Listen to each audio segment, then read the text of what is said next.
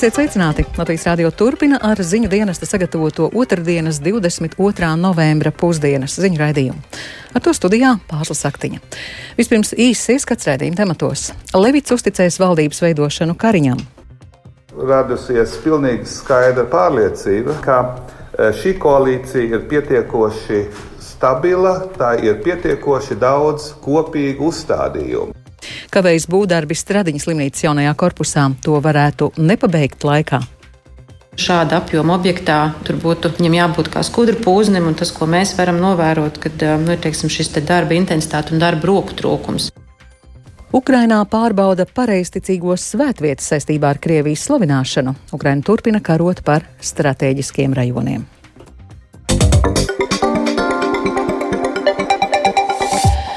Valsts prezidents Egils Levits parakstīs rīkojumu, uzticot valdības veidošanu 14. saimā visvairāk balsu iegūšās jaunās vienotības līderim Krišānam Kariņam.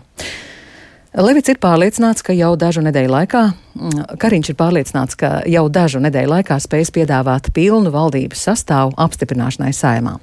Un par to visu vairāk pastāstīs Jānis Kīncis, kurš šobrīd studijā. Jāni, koalīcijas veidotāji aizvadītajās dienās gatavojuši valdības darba plānu. Ko tad valsts prezidents par to saka? Jā, sveika pārslas veicināt radio klausītāji. Jā, šīs dienas tikšanās reizē valsts prezidents Egils Levits ar Krišāņu Kariņu, ar Krišāņu Kariņu vairāk kārt pār, tad, tad, pārunājuši vairāk kārt jau eh, karstas diskusijas raisījušo valdības deklarācijas pirmo melnrakstu.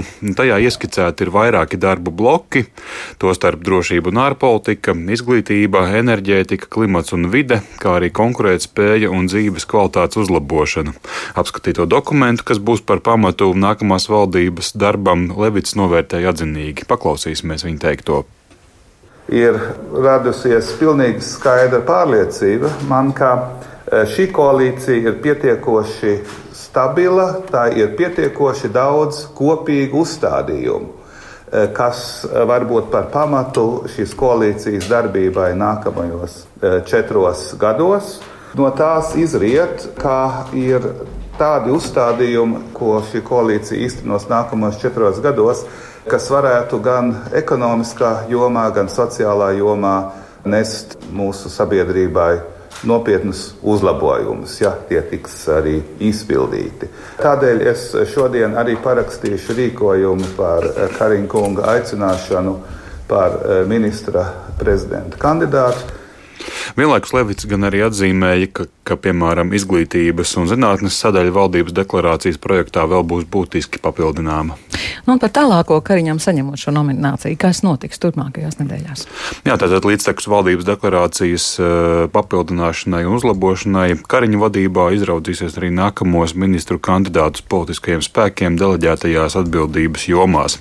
Un varam uzreiz arī paklausīties Krišāņa Kariņa teikto par nākamās valdības galvenajiem uzdevumiem jāstrādā vairākās jomās vienlaikus. Tātad mums ir drošības joma, izglītības, enerģētikas, konkurētspējas un dzīves kvalitāte kopā ar vienu virsmērķi - panākt šo ekonomikas transformāciju.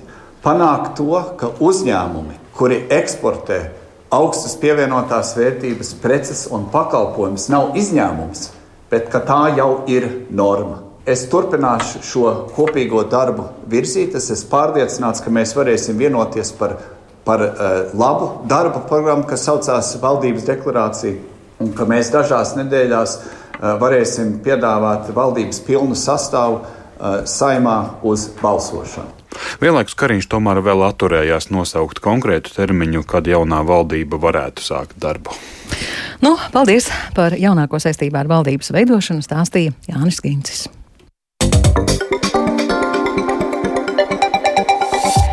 Darbu pie Paula Stradiņa Kliniskās Universitātes slimnīcas A korpusa otrās daļas varētu nepabeigt laikā. Par to satraukusies darba pasūtītāja slimnīcas vadība. Tā novērojas, ka pēdējos mēnešos un arī kopumā apgūta viena trešdaļa no plānotās naudas. Taču darbi jāpabeidz jau nākamajā pavasarī. Kā tad sokas ar slimnīcas jaunā korpusa otrās kārtas izbūvi Kristapa Feldmaņa ierakstā? 2020. gada jūlijā par Paula Stradiņa Kliniskās Universitātes slimnīcas A korpusa otrās kārtas būvniekiem izraudzīja būvkompāniju Velve. Velve solīja darbus veikt par teju 88,4 miljoniem eiro, neiekļaujot PVN, un visus darbus pie ēkas būvniecības pabeigt 30 mēnešu laikā, kopš būvlaukums nodots darbu veicējam.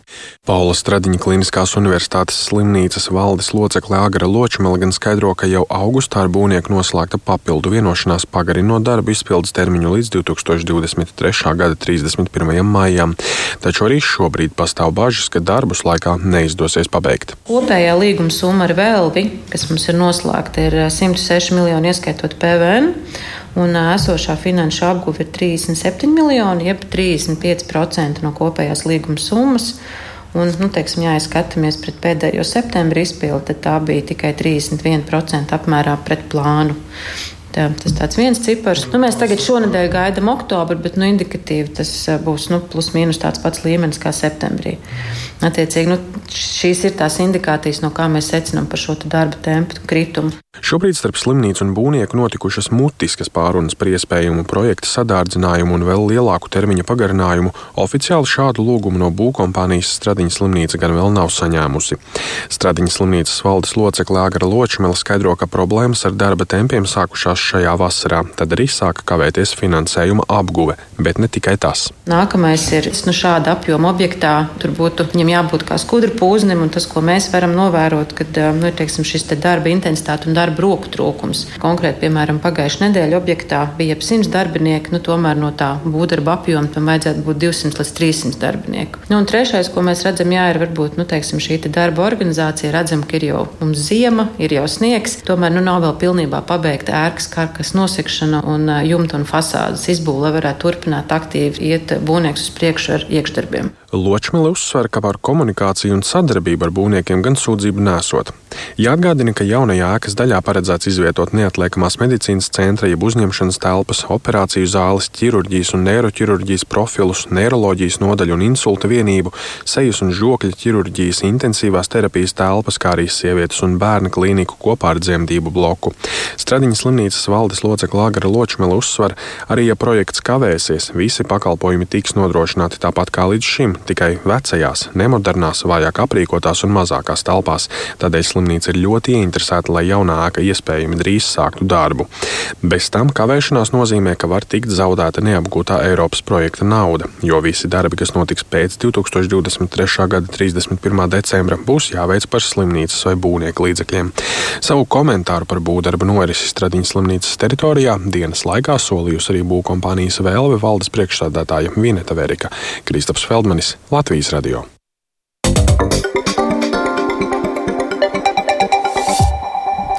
Ukrainas spēcdienesti šodien veikuši pārbaudes vienā no Ukrainas lielākajām svētnīcām Pijavas Pečoru lavrā. Pārbaudas notiek saistībā ar izmeklēšanu par Krievijas agresijas slavināšanu. Vienlaikus Ukrainas bruņoties spēki ziņo par ienaidnieka uzbrukuma pastiprināšanos Donetskas apgabalā. Vienlaikus notiek aktīvas cīņas arī par strateģiski svarīgo Kinburnas pussalu. Vairāk stāstuģis Lībietis. Ukrainas galvaspilsētā Kijavā šis rīts sācies ar Ukrainas drošības dienas ierašanos Kijavas Pečoru lavrā, jeb klosterī, kas ir viena no galvenajām pareizticīgo svētvietām Ukrainā. Pagājušajā nedēļā drošības dienas ierosināja kriminālu lietu par Krievijas īstenotās agresijas attaisnošanu, jo vienā no klostera baznīcām tika dziedāta dziesma par mātes Krievijas atmošanos. Ukrainas drošības dienesta vadītājs Vasilijs Maļuks bija solījis, ka šis incidents nepaliks neizmeklēts. Kā ziņo Ukraiņu mediji, galvenais šīs dienas pārbaužu mērķis ir nepieļaut, lai Kīvas pečora lavra kļūtu par tā devētās Krievu pasaules šūniņu. Tāpat tiks pārbaudīts, vai klostera ēkas un telpas netiek izmantotas, lai slēptu izlūkošanas un diversantu grupas, ārvalstu pilsoņus vai ieročus. Līdzīgas pārbaudas šodien veikts vēl vienā Ukraiņas pareizticīgās baznīcas Maskavas patriarchāta pakļautībā esošā draudzē un klosterī.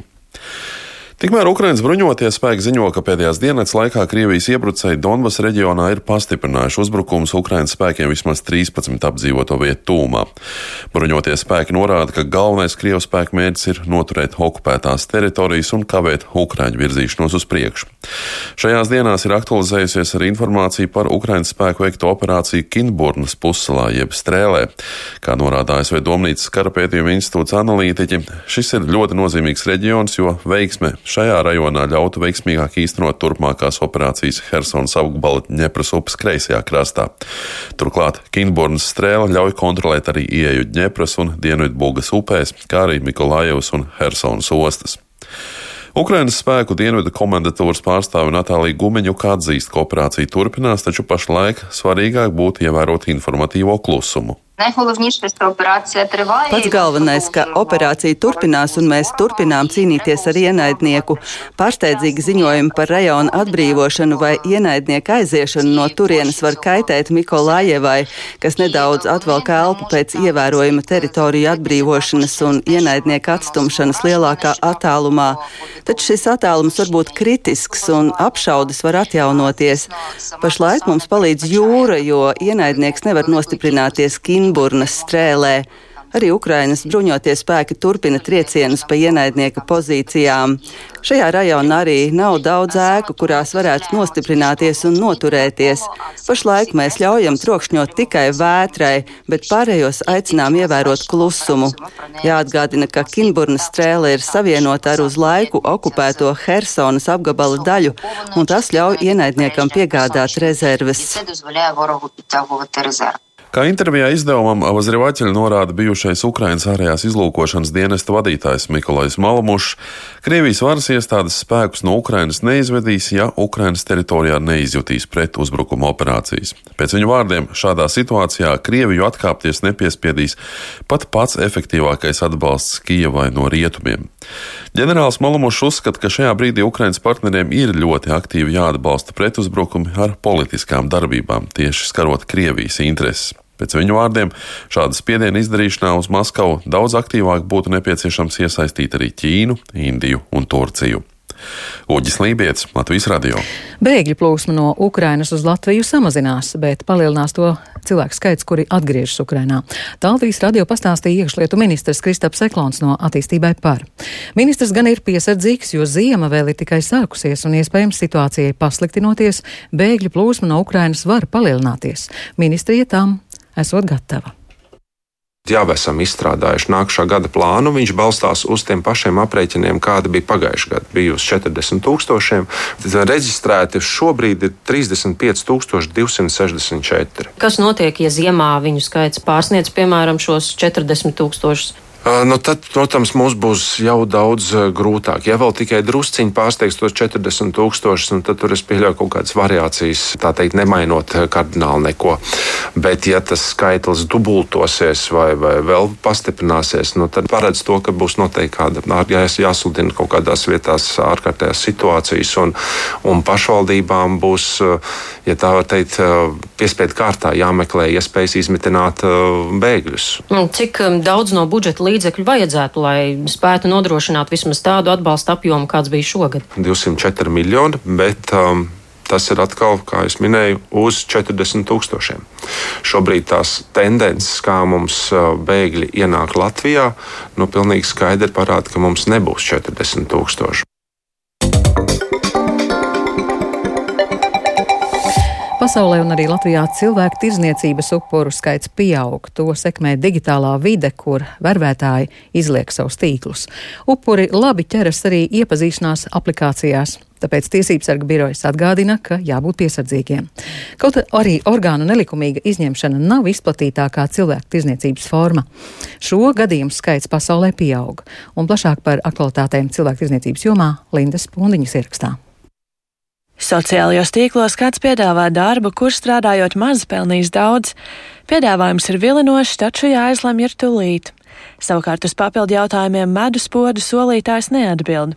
Šīs ir pirmās pazīmes, ka otru pusi virtuālajā tīmeklī jūs uzrunājas cilvēktirzniecības vērvētājs, norāda biedrības patvērums drošā māju jurista Gita Miruškina. Tieši digitālajā vidē visbiežāk atrod cilvēktirzniecības upurus. Ļoti maz, kur šī vervēšana digitālā vidē nav bijusi. Šo klientu stāstu visbiežāk sākas ar to, ka meklēju darbu, man Facebookā atrakstīja tas un tas. Iepriekš tas bija draugiem LV.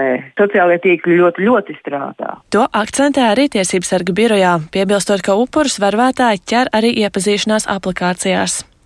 Latvijā visizplatītākā cilvēku tirzniecības forma ir piespiedu darbs, kam seko seksuāla eksploatācija, tad fiktīvās laulības.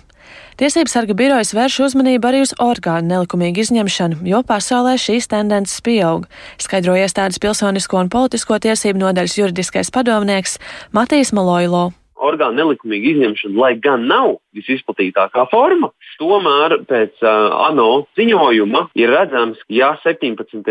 gadā 25 upuri pa visām ANO dalību valstīm. Tad 18. gadā tas skaits pieauga vairāk jau par 4, gandrīz divkāršu. Tostarp Eiropā šo noziegumu skaits pieauga. Latvijā nelikumīga orgāna izņemšana nav konstatēta. To apliecina arī patvērums drošā māja.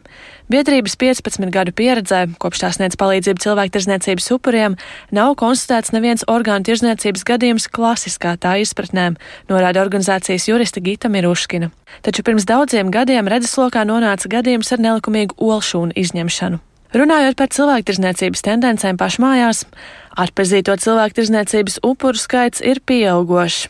2019. gadā tie bija 36 upuri, pēc gada 48, savukārt pērn tas bija 61 upuris. Tiesības sarga biroja ieskatā pieaugošā statistika norāda uz tiesību sargājošo iestāžu darba kvalitātes uzlabošanos, krietni labāk sākuši strādāt valsts policija. Tomēr arī noziedzība palielinās, teica Matīs Maloilo.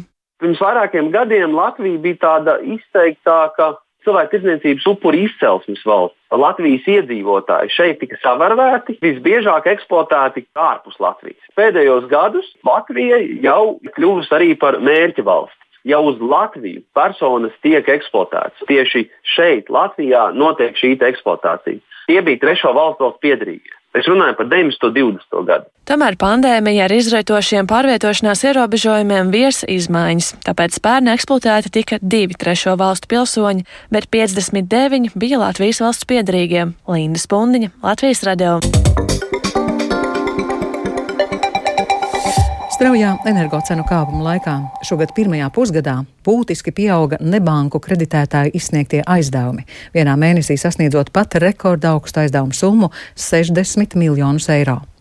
Augstu apkuras rēķinu dēļ patērētāja tiesība aizsardzības centrs pieļauj, ka kopējais gada aizdevums var pārsniegt iepriekšējo gadu rādītājus. Ko cilvēkiem dzīves dārdzības laikā ieteicams darīt un ko par tā saucamajiem ātriem kredītiem saka ielās sastaptie cilvēki, vairāk Viktora Demīdova ierakstā. Nebanku kreditētāji piedāvā naudas aizdevumus dažādām dzīves situācijām. Visu var izdarīt ātri un vienkārši, taču jārēķinās, ka tā saucamajam ātriem kredītam ir lielas procentu likmes. Tagadējo apkures rēķinu dzīves dārdzības dēļ daudziem cilvēkiem briest jauna krīze. No Rīgas ielās uzrunātajiem cilvēkiem tikai retais savā dzīvē esot ķēries pie ātrās naudas. No vīlas es ņēmu tā kā no firmas, tu 500 eiro ņēmu savā laikā. Tad tu atdod katru mēnesi. Nu. Tā es eju atdevu. Nu. Kādam nolūkam jūs ņēmāt? Nu, es strādāju ceļbūvē, nu, man vajadzēja komputeru gribēju nopirkt. Vai jūs apsverat vēl ņemt tādu kredītu? Nē, nē, nav. Tagad, tagad jau ir tāda laika, ka tā, tiem darbiem ir savādāk mums mūsu laikos, ir ceļš Latvijā. Nebija nepieciešamības, es neesmu pētījis, bet es domāju, ka ja tiešām nav vajadzīga nauda, tad vajadzīgi, vajadzētu paņemt. Ja. Nē, nē, es esmu pensionāre, un ja kaut kas atgadīsies, kas tad būs? Bet ja cilvēks ir pārliecināts, pārliecināts jauns, tad kredītu var ņemt, bet vecumā uz ko tu ceri?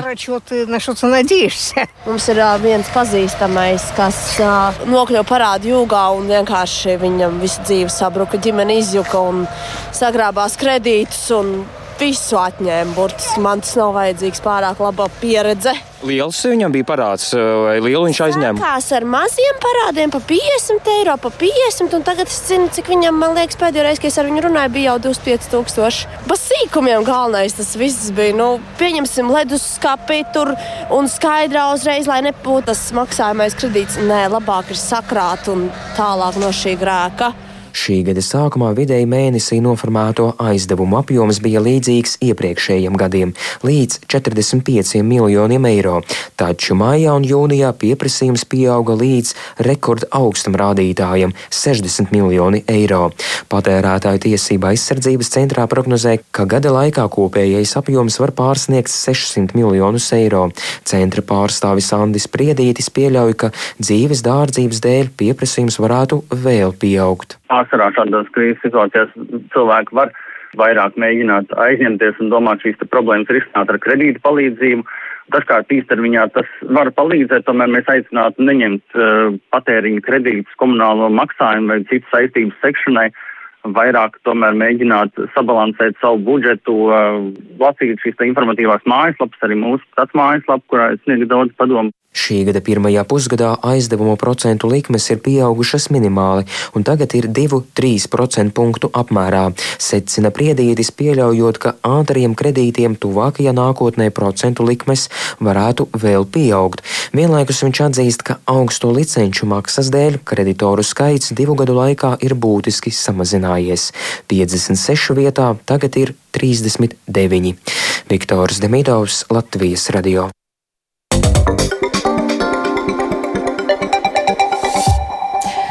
Lūdzas vēsturiskajā centrā jānomaina namu žogi. Lūdzas vēsturiskais centrs ar šaurām ieliņām, koka un ķieģeļu vienstāvu un divstāvu būvēm ir valsts aizsargājums valsts nozīmes pilsētbūvniecības piemineklis, un līdz ar to tam izvirzītas paaugstinātas prasības. Diemžēl ne visi to ievēro. Vairāk klāsmas Zutes Vītols sagatavotajā ierakstā. Žogam būtu jābūt necaurredzamam no koka, ne metāla, taču ejot pa Lūdzes vēsturisko centru, aina paveras nevisai tīkama. To apliecina arī Lūdzes novada būvvaldes arhitekte Dārija Koževnikova. Dabīgais koks ir jākopja, koks pats par sevi ir dārgs, tāpēc uh, cilvēki nevēlas koku. Jo uzliekot metāla žogu, mēs aizmirstam uz ļoti ilgiem gadiem par šo problēmu. Pašvaldība izsūta māju īpašniekiem vēstules, informējot, ka metāla žoks vēsturiskajā centrā ir jānomaina. Kultūras mantojuma aizsardzības pārvaldes vēstulē bija minēti pāri 60 objektiem. Tas vēstules šobrīd tiek sūtītas, bet arī pa daļām, jo, ja visi pēkšņi sāk zvanīt, tas ir būvvaldē pārāk liels sloks papildus. Nacionālā kultūras mantojuma pārvaldes Latgales reģionālās nodaļas vadītāja Vilma Platpīre atzīst, ka Ludzai, tāpat kā citu pilsētu vēsturiskajiem centriem, ir ļoti būtiska kultūra vēsturiskā ainava, ko veido pat vissīkākās nianses ir lietas, kuras mums visiem kopā jāmēģina uzlabot, rast kompromisu starp īpašnieku interesēm un e, pieminekļa nu, tādu saglabātību. Man koka vārti tikai. Vīrietis dzīvo blakus mazajam Lūdzes ezeram. Mājas teritorija ieskauj metāla stiepļu tīklojuma žoks, taču vārti ir no koka. Ja žogu nāksies mainīt, vīrietis atzīst, ka izdarīt to nevarēs. Kas ko varēja no tā taisīja? Arī vecajai koka mājai ielikti plasmasas logi, viens bez rūtojuma, taču nākamais jau ar rūtojumu, jo dzirdējis, ka bez tā nedrīkstot. Savukārt ielas otrā pusē mājai necaur redzami metāla vārti. Tas jau būtu ļoti labi, ka skaisti koka žogi, bet nu kas ir, tas ir tikko uztaisīts tikojums? Nu, protams. Lūdzes novada pašvaldībā ir plānots ieviest līdzfinansējumu, lai iedzīvotājiem palīdzētu sekt daļu no žoga nomaiņas izdevumiem. Tomēr nav zināms, kad atbalsts varētu būt pieejams. Šobrīd ir līdzfinansējums koka logu, fasādes un jumta nomaiņai, turpina Lūdzes novada pašvaldības būvvaldes arhitekte. Bet žogiem nebija līdzfinansējums paredzēts, un mēs to gribējām jau paredzēt šovasar, bet eh, šogad ir tik daudz teiksim, jauno aspektu, kas prasa papildus finansējumu no pašvaldības. Tāpēc šis jautājums tika atlikts. Bet es domāju, pie pirmās iespējas mēs noteikti atgriezīsimies pie tā, un tas varētu stimulēt uh, cilvēkus likt tomēr koka žogus. Vai sodi ir tas ceļš? Es nezinu. Mazpilsēta ir ļoti jūtīga vide kur laikam tik brutāli varbūt arī nezinu, vai būtu pareizi, bet likums saka, ka jāiet šo ceļu. Žogu nomaiņa Lūdzes vēsturiskajā centrā ir jāsaskaņo ar Nacionālo kultūras mantojuma pārvaldi, pieļaujot koka žogu dažādus variantus. Lāsma Zutvītola Latvijas radio studija Latgalē.